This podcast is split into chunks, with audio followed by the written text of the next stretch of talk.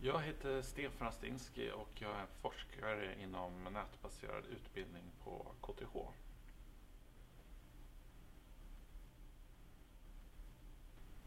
Man kan ju se fördelar dels som, som komplement till traditionell utbildning, att man kan göra saker på annorlunda sätt och man kan komplettera det vi inte kan göra i ett klassrum, i ett fysiskt rum.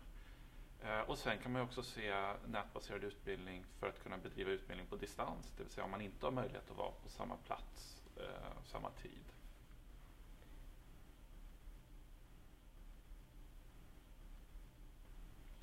Jag tror att man kan säga att betydelsen av nätbaserat lärande hela tiden växer och, och eh, kommer att fortsätta att växa. Eh, men jag tror att vi kommer kunna se, dels kommer vi se mer traditionella universitet som har kvar ett campus och som använder nätet som ett komplement Eh, och sen så kommer vi också se, ja, även fortsättningsvis, de som använder det inom, eh, som stöd till distansutbildning.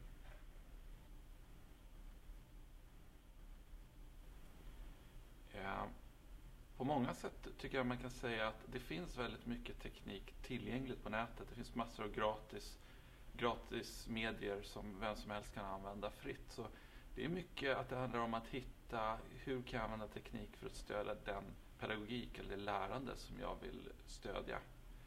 Ehm, jag tror det är där vi står mycket idag.